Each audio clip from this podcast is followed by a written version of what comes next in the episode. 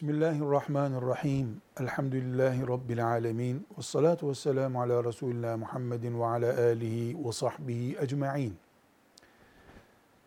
Rükûde, namazdaki rükûde, Subhane Rabbiyel Azim şeklinde tesbih yaparız. Secdede de Subhane Rabbiyel A'la diye secdede tesbih yaparız. Bunlar namazın sünnet bölümündendirler. Ruku ve secde farzdır.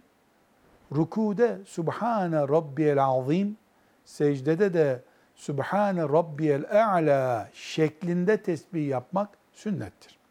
Yer yer namazda insan şaşırdığı olabilir ve bu şaşırmaların bir bölümü namazı iptal edebilir.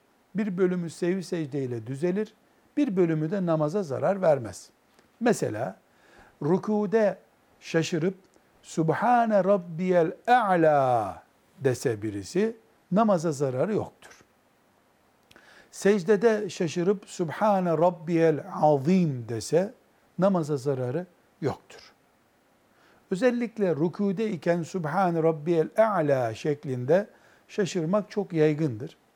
Evet, tesbih olarak yanlış yapılmıştır ama bu namazın sünnet dediğimiz görevleri arasında bulunduğu için namaza zararı yoktur. Üç defa Sübhane Rabbiyel Azim dese birisi tam sünnete uymuş olur.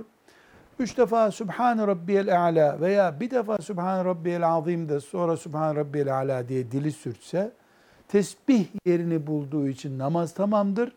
Sıralama hatası gibi bir hata sadece ortaya çıkmış olur.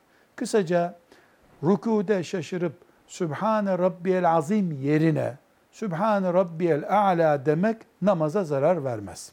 Velhamdülillahi Rabbil Alemin.